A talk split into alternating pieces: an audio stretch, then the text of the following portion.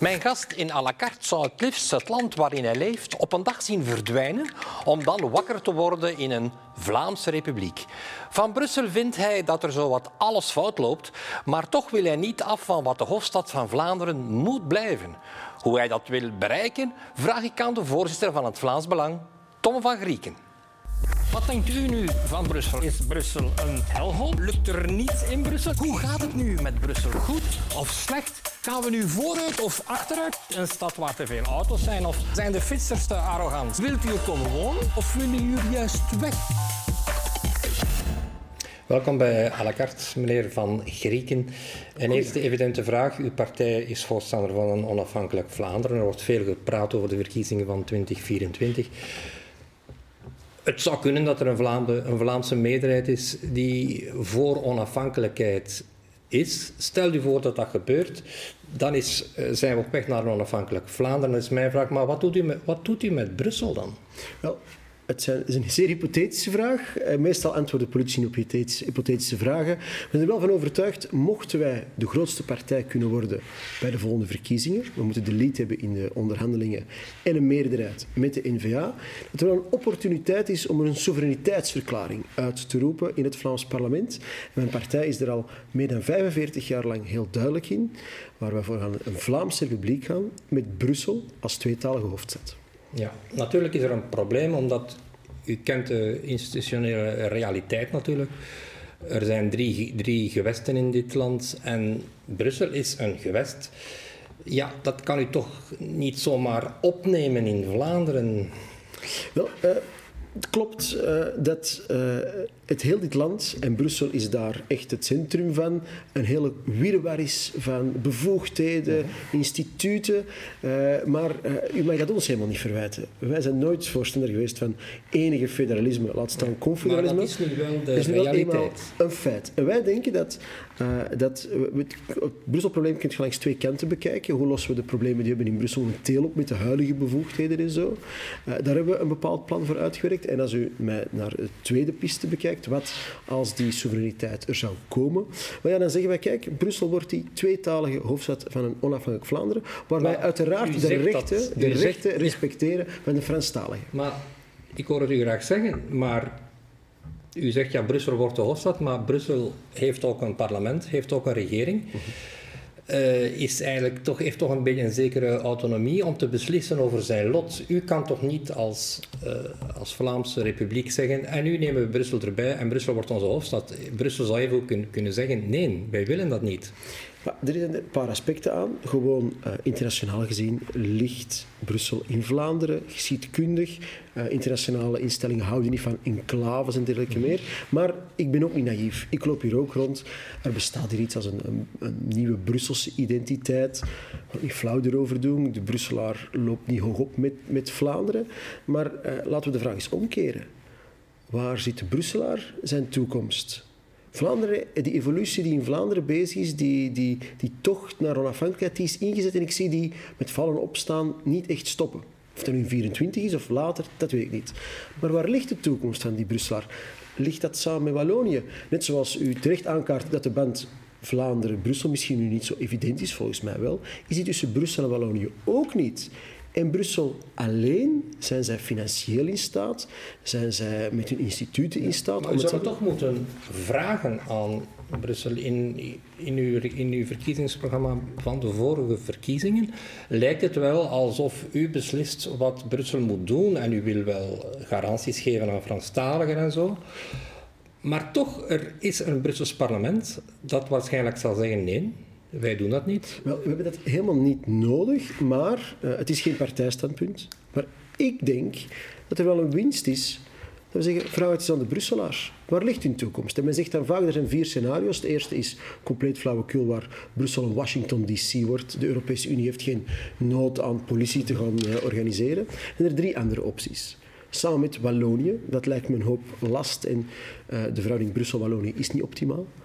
Brussel alleen, daar moeten we ook realistisch over zijn, een immense staatsschuld, een begroting permanent in het rood, uh, lijkt me ook geen optie. En dan denk ik dat ja, uh, de rest van Vlaanderen een aantrekkelijke bruid is voor, voor de Brusselaars, ook voor de Franstaligen. Wij zijn financieel gezond. En als ik dat toch even mag, uh, misschien raar voor een oppositiepartij, meneer Van der Taal, om te zeggen, de dingen die veelal goed lopen in Brussel zijn vaak dingen die vanuit Vlaanderen ook mhm. aangestuurd worden. Het onderwijsniveau is beter. Het Nederlandstalig onderwijs in Brussel is zeer aantrekkelijk, niet alleen voor Franstaligen, maar ook voor veel allochtonen. Als ik kijk naar gezondheidszorg, het. UZ in Jette, ja, Franstaligen haasten zich om naar daar te kunnen gaan. Dus we hebben wel een aantrekkelijk aanbod. Het imago van de Vlamingen in Brussel is zeer positief. Uh, dat is How geweten. Are changing. Ja, natuurlijk.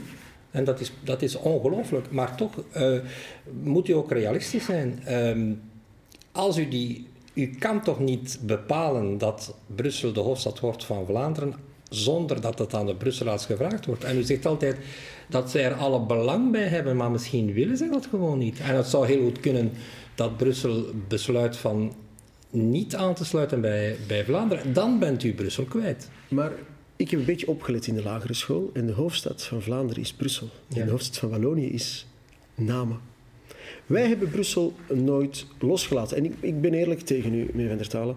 Ik kom uit het Antwerps. U hoort dat mijn geweldige A, die ik niet kan verbergen. En ik weet dat ik electoraal gewin zou hebben door te zeggen, weet je wel, laten Brussel vallen. Maar ik ben een, een Vlaams nationalist. Mhm. En uh, een volk of een land heeft altijd wat een problematische verhouding met zijn hoofdstad. Kijk maar naar Parijs ten opzichte van de rest van Frankrijk. Ieder land heeft dat. En wij laten Brussel niet los. We hebben het helemaal niet nodig als we ons pad naar onafhankelijkheid lopen om dat te vragen aan uh, de Brusselse instellingen. Maar zoals ik zeg, het is een persoonlijk standpunt. Ik denk dat mijn narratief, mijn verhaal, zeer aantrekkelijk is voor de Brusselaars. Maar wij zeggen, we garanderen de rechten voor de, voor de Franstaligen in Brussel. En kijk, misschien kunnen we samen een toekomst uitbouwen. Want eigenlijk, Brussel is altijd een deel geweest maar u van weet Vlaanderen. dat uw partij heel ver staat van wat de gemiddelde Brusselaar uh, denkt. Uw partij is ook een partij die vroeger de slogan had eigen volk eerst. Hm. Dat is natuurlijk een slogan die een beetje vreemd klinkt in een stad waar er 180 nationaliteiten zijn waarin een meerderheid van de gezinnen thuis Frans nog Nederlands gesproken wordt. Dus ja, je kan je hier echt de vraag gaan stellen, wat is het volk hier? Het volk is hier een, een, een, een, een mengelmoes van 180 nationaliteiten. Ik denk dat heel wat oude Brusselaars, zelfs Franstalige Brusselaars, dachten: hadden we maar eerder naar dat Vlaams Blok en Vlaams Belang geluisterd. Vandaag de dag is nog maar 25% van de Brusselse populatie van Belgische origine. Uh, als men kijkt, de problemen die hier eerst aan de oppervlakte kwamen, zien we nu in heel Vlaanderen ontstaan. In Antwerpen, maar ook in uh, provinciesteden of centrumsteden. Ja, maar dus... u, u, u, moet het onderscheid maken tussen problemen die er, die er kunnen zijn uh. -huh. en de multiculturaliteit. De multiculturaliteit is een evidentie. En u Bent u nog altijd ervan overtuigd dat die kan teruggedraaid worden? Dat was een beetje het discours van uw voorgangers in uw, in uw partij. Ik lees dat toch ook vaak op de website, op, op verklaringen, dat u altijd terugkeert naar de multiculturaliteit is de oorzaak van alles. Maar dat is niet waar. Gaat u die multiculturaliteit kunnen terugdraaien? Is dat uw ambitie? Ik geloof dat uh, er geen multiculturele samenleving kan werken. Wel een multi-etnische samenleving. Die klok gaan we nooit meer kunnen terugdraaien. Maar dat er een light cultuur moet zijn, dat lijkt me de definitie zelf. Want multiculturalisme, weet je wat dat eigenlijk is? Dat is eigenlijk een diep racistische ideologie. Waar men mensen maar blijft opdelen op hun afkomst. En nationalisme is net een antiracistische ideologie. Want daar zeggen wij, kijk, wij leggen de hat weliswaar hoog voor bij de club te horen. En daar kunnen we over discussiëren. Het Frans Belang legt de lat te hoog, de voorwaarden om bij de club te horen. Maar van onze partij zal u nooit folders zien. Dit zijn onze allochtone kandidaten. Nee, maar bij al die andere multiculturele partijen blijven zij maar telkens hun kandidaten herleiden tot hun afkomst. Terwijl ik denk, als je dan toch een multi-etnische stad hebt zoals Brussel, dan gaat het over de toekomst. En ik zou graag willen dat die toekomst van die Brusselaars in Vlaanderen ligt. Ja, je zou dat graag hebben, maar het, het zal er toch op aankomen van de Brusselaar daarvan te overtuigen. En ik vind het een zeer vreemd idee dat u, dat u blijft stellen. U, u zegt bijvoorbeeld, waar de Brusselse overheid het laat afweten, moet de Vlaamse overheid zonder schroom uh, moet die gesubstitueerd worden door de Vlaamse overheid. Dat staat in, het, in uw verkiezingsprogramma van de vorige ver, verkiezingen. Ik zeg het nog eens, als de Brusselse overheid het laat afweten, dan moet haar taak overgenomen worden door de Vlaamse overheid. Maar wat betekent dat? Wel, kijk, het probleem is, en het is een historische vergissing, om een Brussel hoofdstedelijk gewest te creëren. Mocht Brussel gewoon een stad geweest zijn... Maar dat is, het niet, het is een gewest. met de regering en met het parlement. Maar ik heb eens een heel interessant opiniestuk gelezen van iemand die zei Brussel moet op orde gesteld worden en het gaat niet meer lukken met de Brusselse politici en die 19 baronieën. Ik hoorde het van uw hand was kort na de aanslagen. Er moet een niveau zijn. Ja, maar het moet er democratisch blijven. En het is niet aan Vlaanderen om te zeggen dat bepaalde politici niet geschikt zijn. Dat zal gebeuren door de kiezer. We leven nog altijd in een, in een democratie. Maar leg mij toch nog eens uit wat dat betekent, dat substitueren. Bijvoorbeeld die 19 baronieën, die verschillende politiezones. Kunnen we niet naar één politiezone gaan? Moeten we allemaal verschillende... daar moet u mij niet van overtuigen. Maar wat ik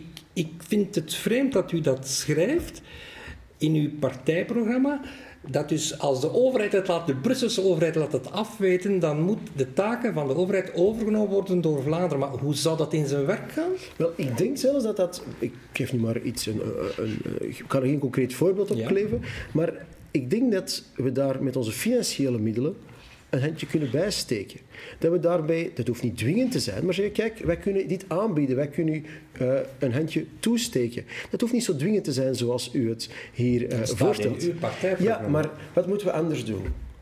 Ben ik, ik ben toch echt een slechte Vlaamse socialist, meneer, als ik mijn hoofdstad, de dieperik, zie afglijden en niks zou doen. Ik, ik, ik kan niet, met alle, met alle problemen dat Brussel heeft, ik kan niet leidzaam toezien hoe Brussel afglijdt met zijn multicultureel problemen, met zijn religieuze fanatici, met een verkeer die er compleet stilstaat. Gaan we dit laten verder etteren of gaat misschien Vlaanderen zijn verantwoordelijkheid nemen? Maar voor wat? Hoort wat. Ik vind dat Vlaanderen best goed investeert in Brussel. We zijn ook voor die Brusselnorm van 5%. Maar voor wat?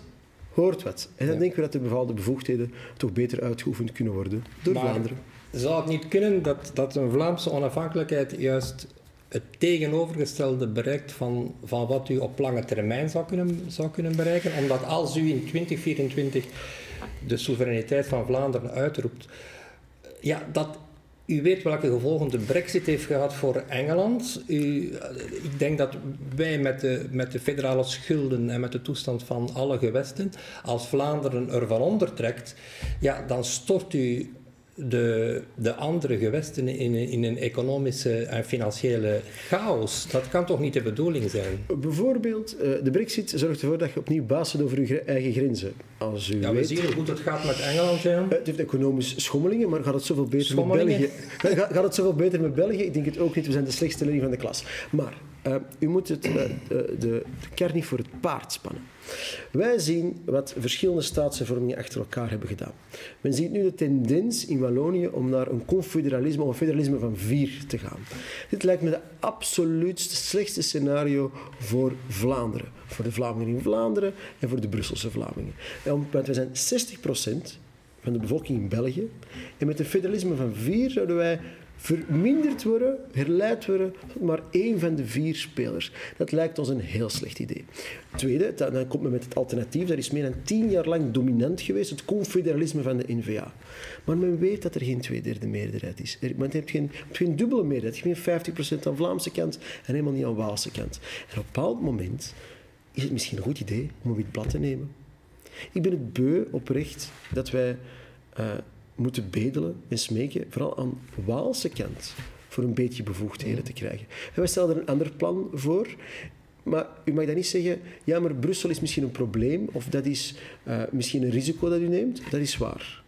Maar verder doen, zoals dit land nu bestuurd wordt, verder Brussel besturen zoals het nu is, dat is geen risico, dat is gewoon een schande als je dat zo zou laten verder gaan. Wij stellen een plan voor, met voor- en nadelen. Maar legt u de lat daarbij eh, niet op een natuurlijk, onnatuurlijk hoog uh, niveau, omdat de Belgische geschiedenis en vooral de geschiedenis van de Vlaamse beweging en van de staatshervorming is toch een interessant proces van compromissen en van kleinere, kleinere stappen die uiteindelijk leiden tot wat een zeer grote autonomie is van Vlaanderen. Tot nu toe is Vlaanderen er toch zeer goed aan toe. En u weet ook dat wat u ook zeer hard bekritiseert, de transfers naar Wallonië, u weet ook dat dat een aflopend verhaal is. Dat, zal, dat verandert toch binnen enkele jaren. Dus Ik ben zou je niet een beetje meer geduld moeten hebben gewoon? Over de transfers, dat vermindert niet binnen enkele jaren. Er is de, de financieringswet waar het een klein beetje minder is, maar het is echt de slok op de borrel. Het is echt de, de transfers gaan nog decennia blijven doorlopen. Maak geen illusies. Maar in federale landen Maar is dat niet uitzonderlijk dat het, dat het transfers ik- zijn. Maar niet van die grootorde en niet onbeperkt in de tijd. Maar ik geef u wel gelijk dat het pad dat de Vlaamse weging heeft afgelegd, het, eh, het autonomiestreven, is wel eentje geleidelijk aan. Dat klopt. Maar ik ken geen enkel land, en u eh, ongetwijfeld ook niet, dat onafhankelijkheid is, onafhankelijk is geworden met zegen van het oude land. Op een bepaald moment is er dat beslissend moment, wanneer het uur van een volk in de geschiedenis slaat. Het is een beetje, mochten wij getrouwd zijn, en u zou eh, iedere dag keihard gaan werken en u geeft uw loon aan mij en ik blijf thuis, ik doe helemaal niks. En ik geef af en toe nog klop als u Ons iets vraagt. zal snel voorbij zijn. Ja, maar dan gaan we altijd... U loopt dan naar de rechter. En u zegt, ik wil scheiden. En de normaalste zaak ter wereld zegt de rechter, oké, we gaan scheiden. In België is dit helemaal niet het geval. Hè. Daar zou de rechter zeggen, of zeggen journalisten, hebt u al toestemming gevraagd aan uw partner of u mag scheiden? En daar ben ik het dus niet mee eens. In een huwelijk, als een van de twee de stekker er wilt uittrekken, is het gedaan. In het gedwongen huwelijk, België, zou dat niet zo zijn. Dus wij zeggen, wij willen geen chaos. Wij zeggen, we willen die soevereiniteitsverklaring en dan vijf jaar de tijd om van gemeenschap tot gemeenschap te onderhandelen. Scheiding van tafel en bed. En hoe doen we dat met Brussel? En we hebben een groot hart voor Brussel. Het laatste wat ik zou willen, is dat, door, dat Vlaanderen zijn autonomie kiest, dat Brussel en zelfs Nieuw-Wallonië in de armoede wordt gestort. Solidariteit kan zelfs na die onafhankelijkheid behouden blijven, maar aflopend.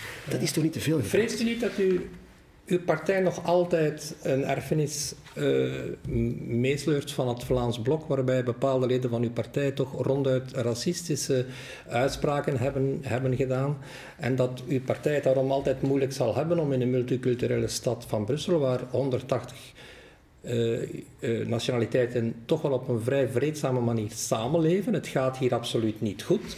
Er zijn veel problemen, maar toch is er een. Is, heeft u, bent u niet bang dat die erfenis u altijd zal blijven achtervolgen? En bent u daar ook soms niet een beetje dubbelzinnig in, in het veroordelen van. Maar het verleden kan ik niet veranderen, de toekomst wel. You can't fix the past, but you can shape the future. En het is net zeer opmerkelijk. Eh, ik zelf kom niet uit Vlaams nationale middens. Eh, mijn vader eh, werkte voor de BOB, de federale politie. En toen ik actief werd, politiek actief, moest hij eh, dossiers opstellen, rapporten over zijn eigen zoon. Ik ben opgegroeid in een multiculturele samenleving. Maar in uw Het- het partij. is, en maar ik zal zeggen wat daar het, wat mijn zin van afmaken. Het is net in die multiculturele samenleving, waar iedereen zijn identiteit mag beleven, dat ik de mijne heb ontdekt. Dat ik Vlaming ben, omdat ik Nederlands spreek. Dus het is net... Het is, het is, dat is, de, dat is de, de, de, de, het grappige aan die multiculturele samenleving, waar links vaak voor pleit, dat iedereen zijn identiteit mag beleven, behalve die Vlaamse. Die moet verdacht gemaakt worden, of die moet bedenkelijk zijn.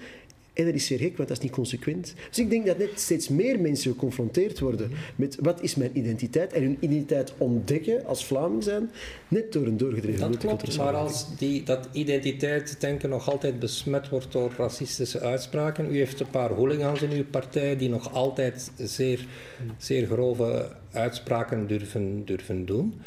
Daar ben ik het eigenlijk eh, niet mee eens, eh, omdat, eh, u weet, mijn partij is ooit veroordeeld geweest, maar ondertussen hebben we al twee verschillende rechtbanken van hetzelfde niveau geoordeeld dat Vlaams Belang geen racistische partij is. Maar u heeft wel En de racistische zaken- de zaken, ja, maar, maar, maar dat is een beetje heel anderlicht veroordelen omdat er enkele hooligans zijn.